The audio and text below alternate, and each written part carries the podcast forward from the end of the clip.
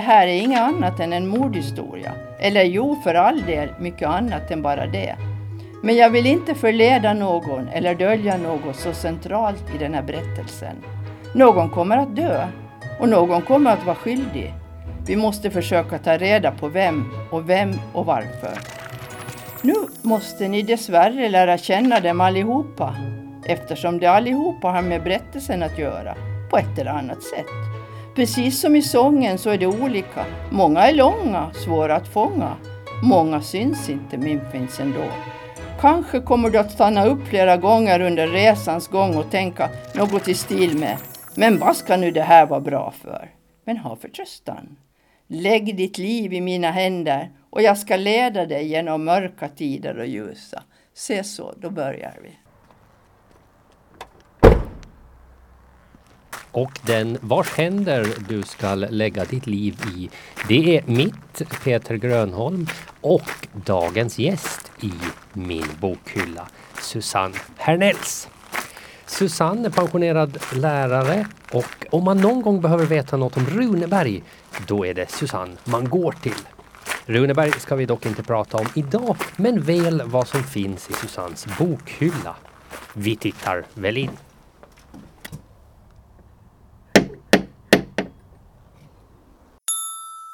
När du hör det här ljudet är det dags att vända blad. Då står vi framför bokhyllan och vad kan vi säga om den? Den är, ja men tycker jag, lite ovanlig form får vi säga. Ja, den är, bygg, den är specialritad just för det här rummet. Så att när man sitter här och läser så ska man känna sig omsluten av böcker. Och känna kanske också det här att böckerna talar, att man har som vänner. Att varje, varje bok nästan som jag har här så har ju, har ju, har ju satt spår på ett eller annat sätt i mitt liv. Ja. Eh, är du en sån som sparar du böcker när du har läst dem? Eh, en del böcker sparar jag, men en del eh, böcker sparar jag inte. Och de böcker som jag inte har läst, de eh, så tänker jag ibland att så har jag satt undan och tänker att jag ska läsa dem sen. För det är ju ofta så att det blir väldigt irriterande när man kan se hur mycket böcker man inte har läst. Och så går det några år och då hade liksom den där geisten att man skulle läsa den har försvunnit. Mm. Men, men om vi tittar på bokhyllan så här nu då, hur mycket skulle du säga att det är böcker som du inte har hunnit läsa ännu? Nu har jag sorterat ut en del. så de som är kvar så kanske är, ja kanske 15, 10 eller 15 ungefär. Ja, ja men det är ju ganska bra ändå. Mm. Hur, hur är bokhyllan sorterad? Nå, eh, jag, jag har alltid tänkt att jag ska sortera efter vissa principer, men de där principerna blir olika varje gång.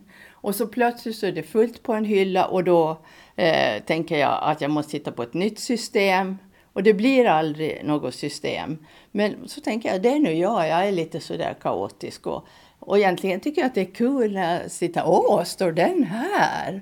Men, men lite har jag liksom försökt sortera då, att, att Alandica hyllan är mm. på de där två. Och sen har jag där lite finska böcker, finlandssvenska böcker och sen har jag tre hyllor här som är med, med dikter och så är det med lite så här eh, tankespråk och livsvisdom.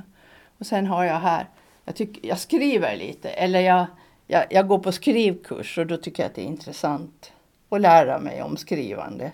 Så en del har, jag kanske har fyra, fem böcker här med sen, omskrivande men sen har jag li, hälften. Hälften mm. kanske i, ute på landet för där, det är ju där jag, vi bor mest. Ja, ja men jag, jag tittar lite här i hyllorna och eh, ögonen föll direkt på en av mina eh, favoritförfattare eh, Marianne Fredriksson. Har jag hunnit sett åtminstone två stycken redan. Just det. Vad, vad, alltså, Vi har jag, Simon och Ekarna såg jag. Ja, precis. Och, det, och, och, den, det är nog en av mina favoritböcker. Och skrev hon inte också den här Den som vandrar om natten, tror jag? Ja. Och, och den sparar jag bara därför att det, det hon skriver så bra att jag tänker en dag ska jag läsa om den. Mm. För det är inte så dumt att läsa om böcker. Nej, brukar du, brukar du läsa om det? Eller? Ja, mm. eh, jag vet att Kjell Westers bok Hägring 38, den läste jag tre gånger. Men det var bara, dels så är, är, han ju så tillförlitlig för han gör ju research Och, och sen har han ett helt otroligt språk. Mm. Och, och eh, så, så lärde jag mig mycket som jag aldrig hade kunnat förut. Ja. ja, men det är väl trevligt som, som, som gammal lärarinna, tänker jag. men vi, vi tittar lite på, på... Vi får väl börja ifrån någon slags helst. hö, höger eh, till vänster, vänster. Men den, den här som jag ser här nu då. eh, Uppviglingarna, det ser på framsidan det är Helga eh, Hemchen heter hon. Helga Henschen, ja. Hon var, jag- jag tycker att hon är på något sätt, jag har, jag har sparat den därför att jag blir så, så glad när jag läser hennes. Hon har ju Skriver jättemycket eh, sådana här pamfletter just för barn, har den här BRIS då, barnens rätt i samhället. Eh, och för mig är hon på något sätt 70-tal, upprorets tid. Och jag tycker det här är så bra. När jag var på vippen att sjunga sa de inte kan du sjunga. När jag var på vippen att flyga så sa de inte kan du flyga. Nu har jag lärt mig att inte lyssna på tråkmånsar. Hur ska de aldrig ha varit på vippen begripa att fåglar med ruggiga vingar ändå har vingar? Visst är det? Och just de här bilderna till och det här hennes sätt att skriva är ju otroligt. Ja, Och då har jag två stycken här för de där blir jag jätteglad glad av att läsa. Lite sådär upprorisk. ja. Det kan inte skada. Nej. Eh, sen ser jag också här en bok som, som jag tror att jag har i alla fall jag hittade i de flesta bokhyllor. Tove Janssons Sommarboken. Ja. Den har jag, den har jag läst eh, flera gånger och, och den kan man ju läsa hur många gånger som helst. Och eh, det är ju den här otroliga gemenskapen mellan den åldrande farmodern och, och den här lilla flickan. Och hur far, farmor tar lite nitro och, och klättrar upp för berget. Och, och eh, sen tycker jag att, att eh, Tove Jansson har så otroliga naturbeskrivningar. Så den här har jag nog läst säkert fyra gånger. Mm. Och jag vet att jag också har, har berättat delar ur den, just det, för barn, för småbarn, fem sexåringar. När, om en katt som den här Sofia får. Ja. Jag tror det var eh, författaren Karina Karlsson som sa att hon hade som tradition att läsa den boken varje sommar. Jo, det har jag också gjort. Jag, har läst, jag går och läser på äldreboenden och på Trobergshemmet och där har jag också läst den för dem. Men, men ja, den kanske var lite tradig att läsa högt för, för just gamla människor. Okej. Ja, det var, det, det, det var lite svårt därför att jag kände att när jag läste den så tappade jag lite på något sätt geisten. För ja, det, det fungerade inte riktigt bra tyckte jag. Fast jag ändå försökte relatera till dem. Ja precis, för du, det fanns en Tove Jansson till här precis på samma ställe såg jag. Jo. Som jag inte känner igen titeln på. Lyssnerskan. Ja, det, det, den har jag sparat. Eller bara för den anledningen att när jag typ, ja, för 40 år sedan började jobba som lärare så var jag väldigt sjuk. Och så kom mina elever på besök och då hade de varit till, till bokhandeln och, och så berättade då att jag var sjuk och de ville köpa någonting åt, åt sin lärarinna, sin fröken. Och, då, och, och de hade berättat hur jag var och sådär. Och då hade hon gett den här och jag tänkte det var ju helt otroligt. Mm. Och den är, det är ju små, små noveller. Ja, jag tänker båda de här är, de är inte riktigt tryckta igår för det, det är väl, väldigt gamla. Jo, det, Ska se om jag, om jag 1972. jo just ja. det. Ja, ja, men de var väldigt, väldigt fina, fina omslag Precis jo. också. De flesta har ju kommit i nytryck nu. Ja, precis det. Mm. Mm. Eh, ja, men vi, nu, sen är det en hel hög med författare här som jag inte alls känner igen. Jag tänker på, nu ska vi se, Ayobami Adebayo. Stanna hos mig. Mm. Den, eh, det här säger man är en, en sensationell eh, debutbok. Det är ju redan en pocketbok. Och eh, Margaret Atwood säger ju att det är den brännande, gripande och rakt igenom underbar. Och det handlar egentligen om en flicka som träffar Jade, som träffar sin man då på universitetet. Och, och så flyttar de till Nigeria när, när, när, efter några år när de har gift sig.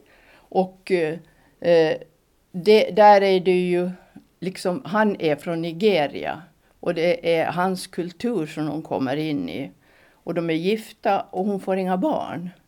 Och det blir stora komplikationer. Alltså han, hennes eh, svärmor går i tak över att eh, de inte får barn. För det är ju det som är det viktigaste. Och föreslår då att han ska träffa en älskarinna eller en annan fru då. Och med henne ska han se till att han får ett barn då.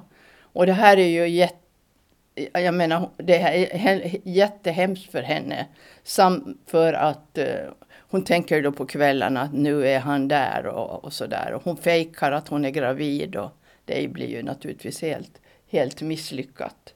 Men den behandlar ju också just den här delen av kulturen och där, där hon är just då i, jag tror det var Nigeria, jo, så är det ganska, är det oroligt. Så den här rekommenderar jag verkligen. Och, och det är ju hennes debutroman, så hon har fått strålande kritik för den. Det är en bra sån där gå bort, gå bort present, den brukar jag köpa och jag går bort. bort. Kjell Westö är i alla fall bekant med. Eh, Hegring 38 har du där. Jo, och jag har här, egentligen så skulle jag ha, skulle, har jag har, faktiskt att jag har ordning. Den här och den här och sen alltså Hegring 38, Barnmorskan och eh, Överstinnan hör alla ihop. Det handlar alla om Finland. Och Hegring 38, det handlar ju då om 38 före, an, före andra världskriget. Om Tyskland och en onsdagsklubb som träffas. Och just det här för och emot eh, Hitler. Och där jobbar en, eh, vad ska man nu säga, en kontorist som visar sig sen att hade varit ett ryskt fångläger 1918. Och det är då det här som ju har mörklagts 1918 i Finlands historia. Mm. Inbördeskriget mellan de röda och vita. Det var då jag förstod att eh, vi har ju bara, alltid haft bara mannen på väggarna. Att, ja, det, och det är i och för sig, det är inget fel på det. Men, men det fanns ju liksom en baksida. Och det har ju eh, tagits fram. Det här var första gången jag hörde om det. Och eh, överhuvudtaget blev jag intresserad av Finlands historia. Men det har tagits fram nu väldigt mycket hur det har hänt i just för, för dem, vad som hände de röda. För det är ju någonting som inte liksom, det man inte talar om, det finns inte. Så har det varit. Och den här, Barnmorskan, det är en bok av Katja Ketto som är ju skriven då eh, den utspelar sig 1944 och 1945 i Petsamo-området. Och den är så hemsk.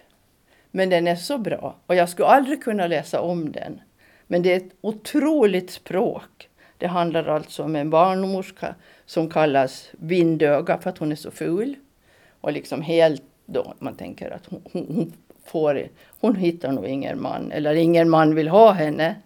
Men hon blir då be, hon blir kär i en, en tysk soldat. Jag hoppas att det var tysk soldat. Jo, en, tysk, en SS-officer, ja. Johannes. Och följer honom. Alltså hon blir besatt av honom. Eller blir kär i honom. Och följer honom då till ett läger. Och han är redan nu märkt av kriget. Han mår alltså inte bra. Och eh, eh, där hon tar sig emot naturligtvis. Där i fånglägret. För att hon eh, kan ju, hon, hon är ju barnmorska. Och fram, den, är, ja, den slutar hemskt och jag skulle inte kunna läsa den en gång till. Men den har ett väldigt svulstigt språk. Alltså som bara, jag tänker att alla svulstiga ord låter egentligen bättre på finska. Jag kan säga dem på finska men inte på svenska. Så den sparar jag men jag läser aldrig om den. Mm. Ja men det, det, leder mig till en, en, fråga jag brukar ställa. Hur, hur, är du när du läser? Har du liksom med dig hela känslospektrat? Eh, eller, eller att du sitter och gråter till en ledsen bok eller en sorglig bok eller att du blir arg när det är någonting? Det beror ju alldeles på hur, hur författaren, en del har ju väldigt stor stark närvaro och, och tar en till sig. Men en del så, liksom, så, så känner man att, att det här är en berättelse. Det berör mig. Det gäller ju för, för författaren att få en berörd. Och då eh, gråter jag också. Och så sen så bär jag ju dem med mig flera dagar efteråt. Jag lever med dem och liksom tänker hur skulle de vara nu? Och, och, och så kan det ju också vara så där att man tar ju rollen att man är en av dem automatiskt. Och då har man ju verkligen gått in i boken. Så på det sättet så lär man ju sig mycket när man läser. Och, och, och lär sig också att, att fantisera. Att använda sitt språk framför allt. Du lyssnar på Min bokhylla med Susanne Hernell. Alex Schulman har ju varit i ropet på sistone, eller han har väl varit i ropet ganska länge, men som författare kanske. Eh, Bränn alla mina brev har, har väl varit väldigt eh, Ja, vad, vad heter det? Kritikerrosad heter det va? Precis, och den här kom ju först. Eh, eller det här var hans... Eh, den, den här kom före. Glöm mig kom före Bränn alla mina brev. Det är om hans mamma. Mm. Lisette Stolpe. Och före så skrev han då om sin pappa. Allan Schulman som ju var, arbetade på, på tvn tror jag, eller radion och var eh, från Finland. I Bränn alla mina brev så det tycker jag är hans eh, bästa bok. Den är väldigt, eh, den är väldigt gripande. Det var ju den här också. Den hade jag, den hade jag svårt, då, då grät jag när jag läste om hans mamma. Och hennes alkoholism. Den här är ju väldigt, ja här blir man både förbannad och man blir väldigt ledsen. Och så är den väldigt vacker. Och eh, det är så här att eh, han skriver om, om sin mormor då. Och eh, hon som var gift då med Sven Stolpe. Som hade en, en sommar en, en, en, kär, en kärleksaffär med, med Olof Lagerkrans. Och hon var ju då gift med Sven Stolpe. Och Sven Stolpe, ja, han var nog inte riktigt klok tror jag. Ja, man, ja, man ska inte sätta något, men någonting var det ju som fattades. Han hade ju förut, eh, när hans dotter gick i, i, i skola, eh, alltså, eller just när hans dotter, alltså Alex Schulmans mamma, gick i skola, där han var rektor, började hon, brevväx, började hon eh, träffa en bondpojke och då satte han upp lappar i skolan där det stod hora. Oj. Ja, det, det, jag tycker det är liksom på något sätt väldigt känslokall. Och den här handlar ju just om Sven Stolpe då, hur han styr med makt. Och, och med makt och med vrede. Ingen vågar sig, sätta sig emot honom i hemmet. Och eh, man, man, ser då mamman som är väldigt, alltså Alex Schulmans mormor som är väldigt kuvad. Alex far dit och hälsar på ibland och då kan han liksom känna de här vibrationerna som finns där. Mamma som står tyst och gör den underbaraste frukost åt honom. Och pappan, då, eller Sven, alltså mormor. Och, och Sven Stolpe som sitter uppe på vinden och slår med sin käpp och kommer ner och säger ingenting och alla sitter tysta. Alltså det, blir, det är som eh, den onde själv skulle komma in, in i rummet. Och för Alex är ju det här att komma till mormor, det är ju att komma till någonting som är ordnat hemma. Eftersom hans mamma drack så var det säkert ingen dukad frukost utan man åt ur kylskåpet. Och, och, men den är som sagt var väldigt bra och jag tänker att folk det här med att skilja, man måste skilja på författaren och personligheten. Det har ju många haft svårt. De har, väl, har inte kunnat, eller jag har träffat folk som säger att de läser den inte. Och har de läst den så finns, han har ju varit ganska sådär fräck kan man väl säga i sina bloggar eller vad han har. Jo. Ja. Och, men, men som sagt var jättebra skriven. Mm. Och det var lite roligt för han, berätt, han berättade en gång att allt han skrev så skickade han då till sin mormor och morfar, Sven Stolpe och hans fru då. Eh, och eh, då hade de svarat honom att du skriver så fint att du kommer säkert att bli Nobelpristagare en vacker dag. Och då ska du få skåla i sockerdricka. Ja. Eh, vi flyttar vidare. Det här är en, en liten intressant bok som, som ligger här. Eh, John William Stoner. För som, det, det är väl en bok som skrevs för väldigt länge sedan men som kanske inte var populär då. Men Nej. många år senare så blev den väldigt populär. Den här har ju ge- getts ut på stump då. Mm. Och det här, när jag fick tag i den här boken var vi i Småland. Och jag, började, när jag, började, jag var i Jönköpingsparken.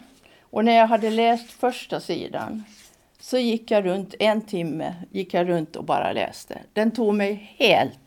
Och det är väl det att den är, den är skriven med en, en stark närvaro. Och den skriver fram ett helt liv. Och som man, om man, är, man är helt uppslukad av just Stoner. Han lever det vanliga livet. Och han har själv sagt att han, där han levde, att det, han skriver in eh, det som en flykt in i verkligheten för honom. Och man kan inte annat än, än tycka om honom. Och han älskar litteratur. Den är väldigt bra skriven, väldigt bra gestaltat. Man kan precis känna de här känslostämningarna. Och den är så fint skriven att eh, jag kan läsa om den hur många gånger som helst. Men den är också väldigt jättesorglig. Ja, vad ska vi gå till härnäst då? Är det Niklas Källner har vi här till? Känner du, känner du till honom? Eh, nej, jag kan inte, inte så här på, på rak arm. Det, han, han var intervjuare ofta förut på stan i, i Skavlan. Jo, ja, för, jag, för han är på bild på, på framsidan på boken och jag kände igen honom men jag kunde inte placera varifrån. Men nu vet jag Och den, det den tycker jag så om därför att den beskriver liksom vanliga människor, att, att bara att man tar sig tid så, så, så eh, finns, det, finns det jättemycket som man kan prata med människor om. Och, och på något sätt när man läser den här boken blir jag väldigt glad och så tänker jag att, att världen kryllar ju av berättelser. Varje, varje människa bär ju på en berättelse. Att man borde stanna upp oftare. Och den här tycker jag är så kul. Hur ska du uppfostra dina barn när du blir stor? frågar han av en pojke. Eh, jag ska ha dem som barn, men också som medhjälpare. Men hur, hur menar du då? Ja, om jag behöver hjälp, inte för att vara tax, taskig mot dem, men när barnen är fem eller sex år att det är, är det viktigt att de lärt sig nästan allting så jag kan använda dem. Men vad ska de använda dem till? Till att vara psykologer, så att de kan hjälpa människor som behöver hjälp. Vet du vad en psykolog gör? Ja, det hjälper människor. Det säger, hur känns det? Hur är det? Den tycker jag är rolig. Ja, ja men han gjorde, ju, han gjorde ju mycket intervjuer då i, i Skavlan Ja. bland annat där han pratade med barn eh, som, som att de var vuxna och det, det blev ju en väldigt komisk poäng men jag kan också så här i efterhand tycka att, att det är en ganska liksom, eh, det blir en ganska liksom fin grej. Att Ja. Han sitter liksom och lyssnar och, och, och tar det på största allvar. eh, Precis. Vad de säger. Det, det tänker jag, att det är därför han får så kloka svar. För han lyssnar verkligen på dem och han talar till dem som de skulle besitta stor kunskap och alltså högaktar barnen. Och jag tror att det är det som är hans största poäng. Och det här. Tills man dör lever man heter den och det här var ju ingen liksom eh, det var inte tjockt med text i den här på det Nej, viset det är ju det jättefin layout. mycket bilder och, och, och så är det som korta små intervjuer då Ja. kan man säga med olika. Det, och, och det är ju också liksom en kvinna som säger vad var det största ljug du har sagt hela ditt liv? I love you åt sex män hon sagt. Men det blev aldrig till någonting mera sen. Vad kanske vi kan ta? Ja, nu ska vi se, nu var det svårförfattaren Italo Calvino. Mm. Ja. Och den heter Den tudelade viskonten Klätterbaronen. Jo, det är klätterbaronen som jag har haft. Och, och den, jag, jag blir så irriterad när böcker försvinner. Man lånar ut böcker och så. Man borde alltid skriva upp om den. Den här boken, eh, jag har ju varit lärare och den berättar jag för mina elever. För när mamma, När jag var liten så läste min mamma väldigt mycket. Och hon berättade ofta böcker för mig. Liksom delar ur böcker. Och sen när jag som vuxen har liksom kommit, märkt att hmm, det här har jag ju hört förut. Då var det mamma som har berättat, berättat dem för mig. Och det har jag tänkt att eh, den, den här boken läste jag och berättade för mina elever. Och det har jag gjort med, med flera böcker. Och det här handlar ju om en, en kille som klättrar upp i ett träd på 1700-talet för att han blir arg på sina föräldrar vid matbordet. Och de, de får inte ner honom. Han eh, börjar leva i träden. Han klättrar från träd till träd och han kan vara till hjälp. När de, när de sår så säger han ju då uppifrån när de är raka eller inte. Han eh, tillverkar redskap så att han kan skjuta, han fångar djur som han byter sen mot mjölk och sådär. Eh, han, eh, många blir väldigt kära i honom. Och eh, när kvinnor sen får barn och inte vet vad fader, vem fadern är, så det är alltid klätterbaronen, han är liksom det sista. När man eh, söker eh, är på jakt efter smugglare, då är ju han där uppe i träden och kan se dem och rapportera åt polisen. Så han är inte på den sättet en ensam varg, utan han lever liksom sitt eget liv där. Och han eh, syr sina kläder, men han blir ju så småningom krum i ryggen. Och eh, vad jag minns mest i en, ett skede här, det var att han, han fick reda på att hans mamma var väldigt sjuk. Och då var fönstret öppet till mammans rum, sovrum. Och då satt han i en gren och kastade in mandariner och hon fick dem direkt i, i munnen. Och det, det, tyckte ju barnen var det mest otroliga. Och sen då förstås när han blev väldigt sjuk så ville de ju då att, eh, att han skulle komma ner och få dö i, på ett sjukhus eller i en säng. Man visste då att hans sista dagar var räknade. Och det ville han inte själv, men han... Eh, sen på något sätt så vet jag att om han tog sitt liv, ett li, liv eller hur det var, men i varje fall så hissade han ner sig så han dog på marken. Så han, han, han återvände dit han hade kommit. Och den är, nog, den är liksom helt otrolig. Den är liksom, ja, man, det är, och det, det, är en bra bok att berätta för barn, men den är otrolig att läsa. Ninna, ninna, ninna, ninna, ninna, ninna. Boktips nummer ett. Den heter Vi kom över havet och handlar om eh, kvinnor som kom från, eh, jo, som kom, kom från Japan till Kalifornien på 1920-talet. Så man kan väl säga är som postorderflickor. Och det här är en händelse som har helt förmörkats. Och hur de tror att de kommer få möta stiliga män och bli lyckliga. Och de får ett helvete. Den är, på ett, det är ju en liten bok och det är skönt med små böcker. Det är ju bara, eh, vad ska vi säga, eh, 170 sidor. Och den är ju väldigt liten och väldigt vacker på pärmen. Så den, den är som lite poetiskt skriven. Hon har skrivit många böcker. Men den här går fort att läsa och den, är, den ska jag också kunna läsa om. Mm. Vad heter författaren? Uh, Julie, Julie Otsuka. Boktips nummer två. Stoner, och det var ju den jag talade om. Så det kanske jag inte behöver. Och det är John Williams. Boktips nummer tre. Den heter Allt jag fått lära mig och är av Tara Over. Och den tror jag nästan alla ja, känner till. Och man säger att det ska bli en bestseller. Och på det sättet är den bra, för det här är ingen eh, autofiktion, alltså det här är en biografi. Hon växer upp i ett eh, ultrahemskt eh, mormon, eh, mormonfamilj där familjen är helt avskild från samhället. Barnen går inte i skola, man besöker inte sjukhuset. Barnen eh, de, de, de, har ett, de jobbar på ett stållager, vad man ska säga, där de arbetar hela familjen. Och framför allt så är det ju Gud som bestämmer.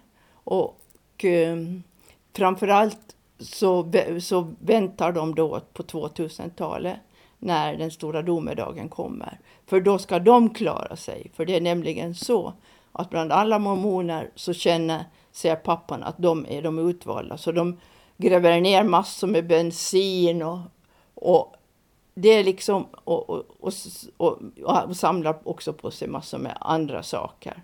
Och så blir det ju inte så. Hon lyckas på ett Ja, hon lyckas komma till skolan och börja studera. Och, eh, och det är ju inte populärt, eller det är ju, eh, det är ju synd att studera. Och likadant synd då att, att besöka läkare. Så mamman gjorde ju alltid olika dekokter. De fick inte besöka sjukhuset. Men hon börjar i varje fall studera och blir väldigt... Eh, eh, det går väldigt bra för henne. Och hon kan man ju säga här, hon har... Hon har hennes bok har till och med rosats av Barack Obama och Bill Gates. Och den hade varit lika bra för, för det. Men nu, hon, eh, när hon börjar skolan så vet hon ingenting om Napoleon. Hon vet, ingenting om Förintelsen. Hon är liksom som ett, eh, som ett oskrivet blad. Och det, det känns jättebra det här att eh, man förstår vilken lycka man har. Att man har fått det som man har tagit som för givet. Hon gör stor framgång och får fara och studera i Cambridge. Och, men hon har inte kontakt med sina föräldrar ännu. Hon har inte kontakt med några av sina syskon, men med en del.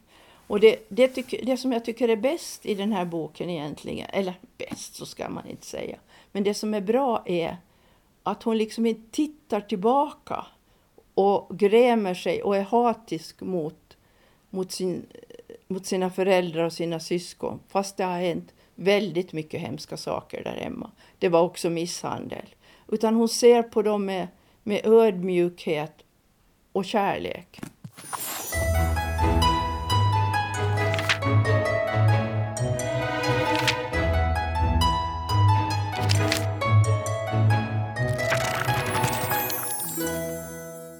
Du har lyssnat på Min bokhylla med mig, Peter Grönholm och dagens gäst, Susanne Hernell.